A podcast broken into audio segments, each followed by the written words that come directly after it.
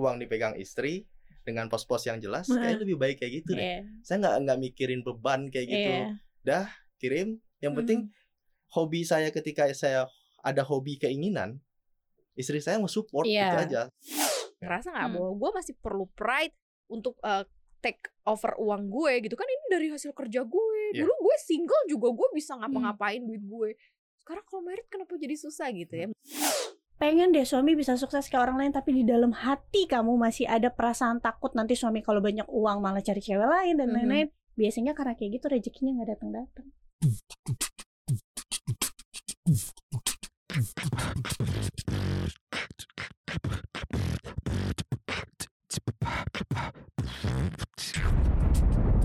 Cuap-cuap cuan.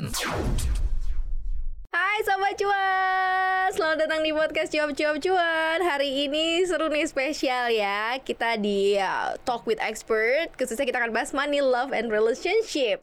Hari ini kita akan ngobrol sesuatu yang sangat lumayan seru lah ya buat Sobat Cuan yang biasanya cuman aku dan juga Olivia Louis di sini financial expert CNBC Indonesia yang ngobrolin tapi sekarang ditambah ada udah Eko Andani produser CNBC Indonesia Yeah. TV untuk ngobrolin soal masalah suami dijatah istri seru nggak tuh Apakah ini sama seperti kondisi Sobat Cuan sekarang? Nah, makanya dengerin podcast kita ya. Hai. Hai, selamat siang Mbak Maria. Saya terjebak di antara ibu-ibu expert yang Nostalgia. pengelola keuangan. Terjebak nostalgia enggak?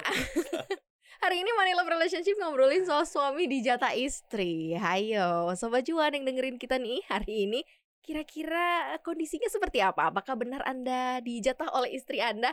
Dijatah positif ya ini ya, dalam pengertian adalah uang gaji yang kalian sudah dapatkan setiap bulan tuh disetor full ke istri. Nah ini apakah terjadi demikian ataukah berbeda nih? Tapi ternyata nih hasil obrolan obrolan gue nih ya obrolan kemarin sama teman-teman ternyata rupanya banyak kan yang dijatah istri sih. Menarik ya? menarik Kok bisa sih laki-laki gitu? Lo nggak merasa direnggut ya kebebasan lo mengelola keuangan ya? Dulu pas awal-awal saya penganut mazhab asik, mazhab suami yang memberikan istri jatah. Oh gitu. Tapi pas awal-awal itu mikir apaan sih? Saya punya istri yang lebih maaf ya, lebih eh, muda dibanding saya. Saya dong yang harus jatah. Saya biasa mengelola keuangan. Tapi itu cuman kuat satu tahun pernikahan. Sisanya empat tahun berjalan, kayaknya memang benar lebih baik uang di- dipegang atau dikelola oleh bendahara negara, ibu negara. Tunggu, dijatah ini berarti artinya adalah eh, gaji lo ini apa namanya langsung di spread atau langsung lo ambil bagian lo yang atau lokasi bagian istri lo atau kayak gimana? Atau lo penuhin dulu biaya rumah tangga selesai beres nih jatah istri abis itu udah gitu gimana? Kalau sekarang saya di posisi menerima jatah dari istri. Ya, Misalnya, nih, kalau Oke, dulu, kalau ya, dulu. kalau dulu eh, saya menjatah. Jadi saya bilang saya punya utang yang tidak bisa diganggu gugat sebelum kita menikah. Sebut Mm-mm. saja itu KPR. Mhm. Jumlahnya eh, sekian. Mm-mm. Ini tidak bisa diganggu gugat. Sementara saya juga butuh untuk transportasi, eh, bensin dan lain-lainnya. Itu saya masukkan dalam pengeluaran bulanan. Nah, sisanya seperti biaya dapur, listrik dan lain-lain itu saya kasih ke istri. Saya kasih jatah bulanan dan ini untuk nafkah kamu totalnya Hmm, sekian. mhm. Jadi jelas rinciannya eh, kelompok-kelompoknya jelas kayak seperti itu dulu. Berarti itu semua bersumber dari pendapatan Iya. udah gitu ya. Jadi intinya harta istri untuk istri, harta suami milik berdua. Ih, Seperti mantap. Ih, pengen yang kayak gitu ya. Iya. Gimana nih Liv melihat eh, ini salah satu contoh sih. Ini dulu sih dulu. Kalau sekarang Nah, mah udah enggak ya. Sekarang enggak, kayaknya nggak kuat lebih baik istri aja deh yang ngelola, suami tahu beres gitu. Berarti kalau sekarang eh udah Eko berarti ini dapat yang sesuai dibutuhkan aja Iya. tiap bulan. Dan itu menurut saya Kalau kurang gimana? Hah? Kalau kurang? minta Minta tinggal lagi. minta. Oh gitu. Karena beruntungnya nih karena ini direkam ya. beruntungnya. Gak apa-apa. ya, Kan nanti didengar istri. beruntungnya istri saya itu sangat sportif. Oke, Karena oke. sportifnya seperti ini, ya. Saya kekurangan. Misalnya saya nih, tolong dong, eh, mama minta uang di kampung, eh, ini tolong dikirim misalnya satu juta. Saya cuma minta satu juta. Istri saya yang soleha itu Wow. mengirim tiga juta. Jadi kurang apa lagi? buat Oke. Contohnya oke, seperti itu. oke. Jadi, eh, ya sportif istri saya. Jadi Hmm. apa pun, ya kenapa saya harus khawatir memberikan uang kepada istri? Kasih ke istri semua gitu. Iya ya, ini kalau ini case-case yang ini banyak atau enggak sih Liv? Atau banyak yang justru malah eh, di zaman sekarang eh, masih ada suami yang dominan. Kalau Olive kan dulu sempat juga eh, suami yang Iya. dominan ya. aku yang dijatah Iya. iya Terus yang dijatah. dulu awal nikah itu dijatahnya bener-bener cuma ini lagi kayak uang makan terus misalnya jajan shopping. Jadi aku sama sekali nggak ngurusin bayar listrik gitu-gitu. Terus Mhm. semua dia. Tapi sampai kayak udah mulai belajar investasi itu jadi udah beda. Mhm. ganti. Kalau sekarang itu suami punya gaji kan di satu account nah Mhm. itu udah aku yang ngatur posisi-posisinya berapa persen misalnya untuk aku pegang yang untuk Oke. uang sekolah anak Mhm, ya kebutuhan mhm, sehari-hari terus dia juga sama yang kayak tadi Mas Eko bilang jadi jatahnya dia itu adalah keperluannya dia untuk tentunya bayar tol, bayar Mhm, parkir, mhm. terus biasalah hobi cowok, cowok kan juga punya hobinya sendiri. Mhm, mhm. Terus sama uh, ada yang memang kita posnya untuk saving dan juga investasi di satu rekening tersendiri lagi. Jadi uh, kita memang punya rekeningnya agak banyak ya sampai Hmm. empat dan aku juga punya rekening sendiri lagi yang itu. Memang banyak sih yang kayak gitu, tapi banyak juga memang sekarang yang uh, dijatah dalam artinya kalau masih kok gaji berarti langsung transfer ke istri atau enggak? Atau dipegang istri ATM-nya? Jadi misalnya gini, enggak oh, enggak. ATM ATM masih Oh, sah enggak. oke, Saya oke. punya masih punya kekuasaan sih. Jadi minimal gini, contohnya eh, 100% saya terima gaji. Mhm. 30% 25% itu habis untuk misalnya buat bayar hutang. Mhm, mhm. Nah, lima- KPR itu tadi Iya, ya. ha. KPR tadi. 5%-nya itu saya pegang Oke. untuk dana cadangan atau Oke. dana hobi saya. Ha. Tapi sisanya yang 70% saya kasih ke istri. Hmm. Kalau misalnya nanti di jalan, oh saya mau ada apa-apa nih. Mhm. Baiknya istri saya ketika saya minta, saya minta satu pasti dikasih dua. Jadi dilebihkan lah sedikit. Dulu sih pernah megang semua, saya megang listrik ini. Jadi lumayan agak bingung sih. Hmm. Komunikasi itu tuh lo udah mulai sebelum merit atau pas merit baru berjalan gitu aja? Komunikasi Baru- soal pengelolaan keuangan rumah tangga Soal gitu. pengeluaran itu ketika sudah menikah. Jadi kita mencari salah mencari cara sendiri, menyesuaikan sendiri. Hmm. Tapi memang sebelum menikah saya belak-belakan. Saya punya utang Mhm. sebelum menikah, saya punya KPR rumah sebelum Iya. menikah Hmm. dan ini tidak bisa diganggu gugat. Lunasnya baru tahun 2030. Mhm, Harus mhm. bu- belak-belakan nih. Dan saya juga ngasih orang tua saya, saya mungkin ada ngasih adik saya, ya Mhm. harus belak-belakan. Iya gitu. betul betul. Padahal kan jarang sih. ya ada yang bisa terbuka gitu sebelum apa sebelum nikah walaupun ini Iya. awal-awal nikah tapi udah langsung dideklar Iya. gitu ya sebelumnya. Nah, ini yang kasus-kasus yang jarang diobrolin gitu loh.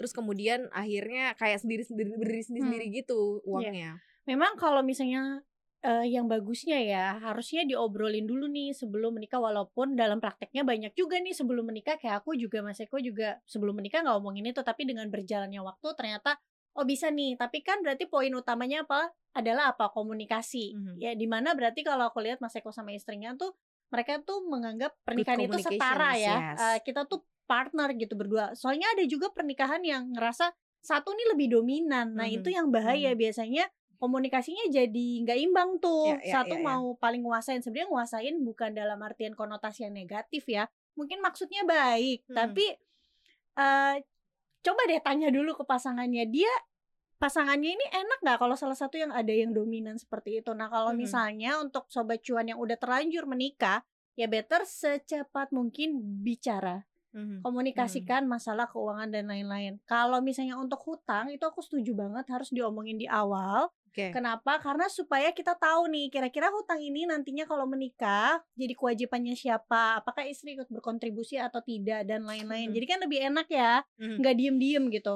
Nggak cuma hutang KPR tapi misalnya juga hutang usaha dan lain-lain. Yes. Lalu juga kebutuhan untuk keluarga besar misalnya kalau jadi sandwich generation gitu ya. Hmm, ya. Karena banyak juga jadinya case itu yang mereka ketika nikah istrinya baru tahu nih suaminya suka kirim Hmm. duit ke keluarganya dan Hmm. istrinya nggak terima mungkin dia ngerasa nanti jatahnya untuk dia atau untuk anaknya jadi kurang dan lain-lain jadi better diomongin di depan gitu soal duit soal sensitif nggak sih? Ya kan? Sensitif. Wala- Sensitif walaupun sama pacar atau sama tahu-tahu jadi istri Iya. kayak masih tetep ya kayaknya sensitif banget ya.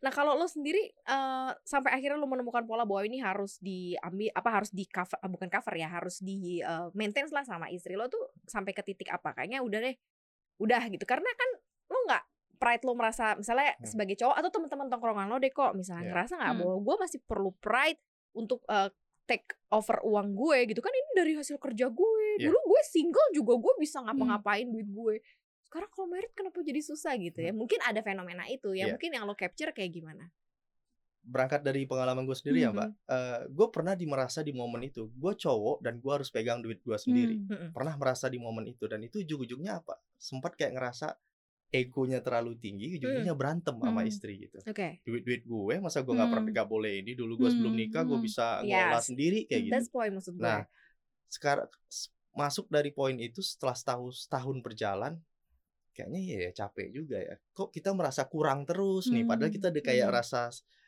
eh, nge-save money, tapi kok Hmm. kurang-kurang terus. Akhirnya coba deh pakai pola istri yang kelola. Gitu. Mhm, mhm, Nggak tahu mhm. kenapa sampai mungkin empat tahun berjalan ini kita masuk ke enam tahun, aman-aman aja tuh. Alhamdulillah saya nggak Mhm. merasa kekurangan gitu. Hmm. Dan apa pun yang saya inginkan dapat sama istri oke. dapat ya. Yang penting saya jelasin eh, harus ada nih betul kan seperti Mbak Olive tadi eh, kita harus jelas nih uang buat tabungan anak ini, uang sekolah Hmm, anak betul. ini, dana darurat ini kita memang harus punya buka banyak rekening sih. Mhm. Dan ini tabungan buat jalan-jalan yang mana gitu. Betul, Oke, betul. ada betul. pos-posnya Ada ya. pos-posnya. posnya. Penting Dan jangan makanya- digabung aja gitu. Dan makanya lo juga akhirnya punya komunikasi yang baik gitu ya. Iya. Ada nggak yang mungkin teman-teman lo yang agak bingung gitu, ruwet gitu kehidupannya soal duit-duitan. Karena kan kita harus lebih mendengar suara cowok nih kan selama ini kan kita kita Iya. doang nih kak nih kan ngomongin soal cewek. Kalau dari sisi cewek Hmm. sih sebenarnya angkat amat sangat senang sekali dilibat dilibatkan, dalam Dilibatkan, ya. pengelolaan eh, keuangan. Kita sangat senang banget sih. Tapi tergantung ya kualitas istrinya mampu atau tidak, Hmm. bisa atau tidak kan itu bisa di cross check lagi. Tapi Nah. kalau dari sisi eh, kacamata cowok, ada sih teman-teman di tongkrongan ya kekhawatiran karena ya istrinya eh, di rumah yang suami yang mencari kerja bukan Mm-mm. berarti istrinya tidak bekerja Iya. ya di menjaga anak tapi memang untuk gaji cuma satu sumber dari suami Mhm. jadi siang suami eh, khawatir kalau memberikan uang kepada istrinya takut istrinya tidak bisa mengelola Hmm. jadi lebih baik Hmm. saya aja deh yang ngasih Hmm. jadi istrinya dijatah Hmm. ya itu khawat dia sudah capek kerja habis capek kerja Hmm. capek lagi ngelola uang Hmm, kayak gitu Hmm, hmm. jadi karena tidak kepercayaan karena khawatir aja nih istrinya eh, boros nggak nggak bisa eh, ngelola uang gitu Hmm, hmm. khawatiran itu sih yang terjadi di, di, di- Tapi sebenarnya pengelolaan keuangan itu haruskah satu pos atau eh, dua pos bisa? Tapi kalau dua pos kayaknya ribet ya. Hmm. Nih kalau kayak kurang kurang apa? Ini yang bayar ini siapa nih? Lo atau gue gitu kan? Kalau misalnya uang itu tidak di dalam satu pos atau harusnya seperti apa sebaiknya agar komunikasi mengenai perencanaan atau pengelolaan keuangannya itu sinkron gitu kan? Kalau masing-masing misalnya nih ya kayak istri punya gaji dipegang sendiri, suami punya gaji udah di share ke istri tapi dia pegang sendiri gak tahu nih berapa gitu kan terus tiba-tiba ada pengeluaran ekstra yang muncul nah ini siapa nih yang Hmm. harus kudu mesti bertanggung jawab terhadap pengeluaran ini harusnya kayak Iya. gimana nih? Ada juga kan case dari awal misalnya suami istrinya tuh pasangan yang bekerja ya. Mhm. Biasanya mungkin ada juga aku temen yang mereka karena dua-duanya bekerja jadi mereka bagi misalnya gue bayar listrik ini ini, gue bayar sekolah ini ini. Ada Mhm. juga yang kayak gitu. Jadi udah punya nih masing-masing. Oke, kalau tiba-tiba di luar itu ada muncul satu biji gitu misalnya dana da- berarti harus tertentu. perlunya dana darurat kan kalau Hmm. itu sama-sama nabungin dana darurat misalnya nih dana darurat itu kan misalnya tiga bulan dari pengeluaran katakanlah gaji istri 5 juta gaji suami 5 juta butuh tiga bulan berarti kan 10 juta nah Hmm. masing-masing harus nambahin misalnya setiap bulan sisihin deh satu juta satu juta dua juta Hmm. nanti kan beberapa Hmm. bulan kemudian terpenuhi ada juga case yang misalnya kayak aku ya dulu aku kan nggak nggak kerja Mhm. jadi semua di cover istri kan single income di cover suami kayak di di cover suami. Terus sekarang karena kerja, eh, aku sebenarnya tidak diminta untuk bayar ini itu, tapi dalam artian karena sebagai istri ya kita kan pasti apa-apa yang baik untuk anak-anak ya. Ajuin diri sendiri. Ya udah deh. Jadi kalau misalnya liburan nih, pergi liburan yang tadinya misalnya kalau mau liburannya agak enak, aku ikut deh kontribusi. oh oke Iya, gue jadi- support yang ini ini Iya, gitu ya misalnya aku bayar villanya deh atau aku bayar kamarnya deh Hmm. kontribusi atau misalnya tadinya kita cuma sanggupnya liburannya di dalam Indonesia aja, Mhm. tapi misalnya oh ya udah deh bisa nih kayak keluar negeri aku bantu dia uh, support gitu atau tadinya misalnya anak cuma bisa les AB oh karena mamanya Bisa udah CD, kerja ya EFG jadi gitu CD kayak gitu gitu Iya ya, Gitu. bahwa kontribusi istri, aku Iya. khususnya case yang bekerja ini cukup eh, bisa membantu justru ya Mm-mm. support dari pengelolaan keuangan. Nah kalau misalnya eh, lo sebagai suami tahu nggak sih misalnya penghasilan istri, kemudian terus apa apa aja yang didapat atau ya memang eh, menyerahkan sepenuhnya ya udah kan semua udah diposin ke istri nih ya udah eh, mau kamu dapat satu atau lebih dari itu ya udah gitu Iya. gimana kamu ngelolanya jadi istri gue sekarang nih eh, udah gak kerja ya mbak Hmm. jadi benar-benar pure freelance Jadi nggak ada kerja, nggak kerja di kantoran, tidak menerima gaji tiap bulan ya. Kayak kalau kata orang sih rezekinya rezeki harimau. Kalau lagi Hmm. gede, gede. Kalau enggak ya nggak iya, ada. Rezeki harimau. Ya rezeki harimau. Jadi eh, istri gue ya kayak gitu. Penting dia jelas. Dah, aku ngeluarin uang Hmm. sebulan ini buat ini ya, Mhm. buat bayar mbak, buat bayar keamanan, ini ini ini. Hmm. Jelas. Mhm. Gue sih selama pengeluarannya jelas, ya nggak masalah sih mbak. Mau dia Hmm. mau ngelola mau apa. Hmm. Penting yang harus ada setiap bulan adalah biaya tabungan anak jangan dilewatkan. Iya. Ya, ya, ya. itu Iya, sih ya, yang ya. yang harus. prioritas ya berarti. Iya, ya, Prioritas, ya. ya. Nah, kalau lo sendiri lebih nyaman memang pos itu satu atau eh, masing-masing punya apa ya kendali gitu terhadap posnya atau yang biasanya teman-teman lo terjadi itu apakah posnya sendiri-sendiri atau kayak gimana? Kan kalau cowok tuh katanya ada harta tahta dan wanita. Iya, gitu ya. Jadi Bah- kalau menurut saya kalau kalau menurut gua kalau cowok terlalu banyak megang duit bahaya sih. Hmm. Mungkin kalau misal disalurkan ke hobi yang positif mungkin Hmm. baik. Kalau misal disalurkan ke hobi yang tidak-tidak bahaya nih. Apa itu? mungkin ya? ngekosin cewek lain atau bayarin dede-dede gemes atau apa itu kan lebih bahaya. Makanya lebih baik ya udahlah kasih ke istri ya kita pun mau lakukan akal mau gimana uang aja dijatah. ya bener Kayak juga gitu kan. sih. Ini ini apa namanya anekdot nggak ya? Hal Iya, yang lucu anekdot. ya. Tapi emang perempuan ya pasti lebih safe nggak sih kalau dia Iya. memang bisa lumayan punya kontrol terhadap Iya. keuangan suami ya sih? Harusnya sih seperti itu, tapi kan sebenarnya ada juga case yang justru istrinya kan yang nggak bisa nyimpan. Kayak ya adalah temennya suamiku juga salah satunya kayak gitu sampai dia kayak karena kebetulan ya pokoknya dia sampai pernah sempat nelpon orang kantor dipikir komisinya itu belum keluar gitu. Padahal sudah ditransfer langsung ke rekening istrinya tapi sama istrinya dipakai untuk arisan. Oh Hmm. alah. Ya kayak gitu juga ada gitu.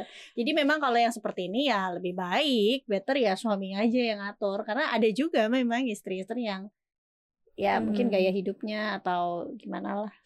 Jadi masalah nggak buat lo eh, untuk dijatah atau menurut lo untuk sekarang nih dengan apa yang lo dapetin eh, dengan penjatahan yang lo dapetin udah lo udah ngerasa cukup atau justru cowok-cowok ini ngerasa kayak lebih terkontrol marah ketika dijatah. Dulu gue pas sebelum nikah mbak, gue merasa gue jago banget nih mengelola keuangan. Mhm. Dengan dulu ya dulu gaji sangat kecil di tempat pekerjaan Hmm. sebelumnya kita simpan uang, alhamdulillah bisa beli rumah Hmm, walaupun iya, itu iya. jauh di, di apa tapi bisa nyimpan ru- beli rumah walaupun itu KPR. Nah setelah menikah mencoba mempraktekkan itu selama Iya. satu tahun pertama ternyata susah ya. Iya. Dan setelah mencoba uh, teknik yang kedua ini uang dipegang istri dengan pos-pos yang jelas Nah. kayak lebih baik kayak gitu deh. Iya. Saya nggak nggak mikirin beban kayak gitu. Iya. Kirim. Yang penting Hmm. hobi saya ketika saya ada hobi keinginan, istri saya mau support Iya. gitu aja. Jadi memang di nikah itu nggak boleh ditutup-tutupin deh. Iya benar Betul. Sportif sih. Iya, Harus sih. sportif. Komunikasi ya satu komunikasi dan itu penting. keterbukaan. Iya. Mhm. Kalau kalau istrinya nggak nggak mau ngasih Ada dikuasain. juga loh, ada juga. Ada kan case kayak gitu.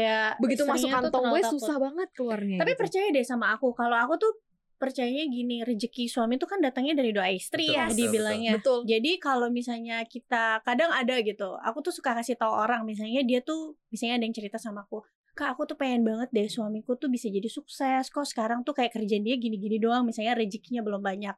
Aku suka ngomong sama mereka gitu atau aku suka share di Instagram, tanya deh dalam hati, kamu mungkin mau suami kamu sukses, punya rezeki yang bagus, tapi pasti dalam hati kecil kamu ada ada perasaan kayak tapi nanti kalau dia sukses dia punya simpenan tapi Hmm. kalau dia sukses nanti dia punya cewek lain itu namanya mental block jadi kalau kamu cuma di mulut doang bilang pengen deh suami bisa sukses kayak orang lain tapi di dalam hati kamu masih ada perasaan takut nanti suami kalau banyak uang malah cari cewek lain dan Mhm. lain-lain biasanya karena kayak gitu rezekinya nggak datang datang Iya. Jadi berdoanya tuh yang sinkron ya Iya, antara hati, pikiran dan ucapan Jadi ya. ya harusnya berpikirnya adalah eh, Tuhan, aku pengen suamiku lebih sukses. Misalnya dia jadi kepala kalau di dalam Kristen ya, bukan ekor.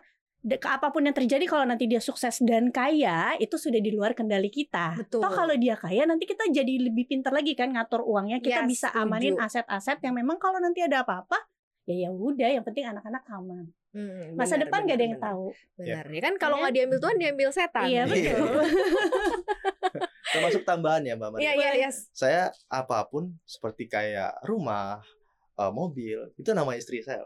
Oh. Ya, jujur. Aduh, udah. ketika ketika ketika misalnya nanti saya berpikir eh, saya Hmm. nakal nih tanda kutip saya ingin mencari yang lain saya Hmm. berpikir saya ini cuma numpang loh di sini Hmm. Nah, kampung- walaupun juga saya berasal dari Padang ya kami Hmm. orang Padang itu Hmm. nggak pernah menguasai harta yang cowok Hmm. ini kami Iya, ini cuma mencari iya, harta iya. Materiali, baru eh, materialisme Iya, ya. materialis. Ah, Ah, jadi cuman cewek yang menguasai Hmm. karena Iya, iya. kenapa ya kami cuma numpang kami mencari di sini itu pun buat ngingatin saya kalau saya nakal-nakal ingat anak istri saya kamu tuh Betul. cuman numpang loh di Jakarta ini nggak ngapa-ngapain udah itu aja Kadang memang eh, ketika kita ambil statement suami Hmm. di jatah istri ternyata banyak suami-suami yang butuhin pagar itu sebenarnya ya Iya. untuk mereka bisa mengontrol dirinya, mengontrol apa egonya Mhm. gitu Iya. ya, emosi dan lain-lain karena memang eh, ternyata itu dibutuhkan juga untuk sebagai pondasi rumah tangga yang kuat. Nah, istri-istri di luar sana kalau mau dipercaya sama suaminya untuk bisa ikut kontribusi ngelola keuangan ya pantaskan diri, Betul. diri dulu. itu bener paling nggak sih? penting.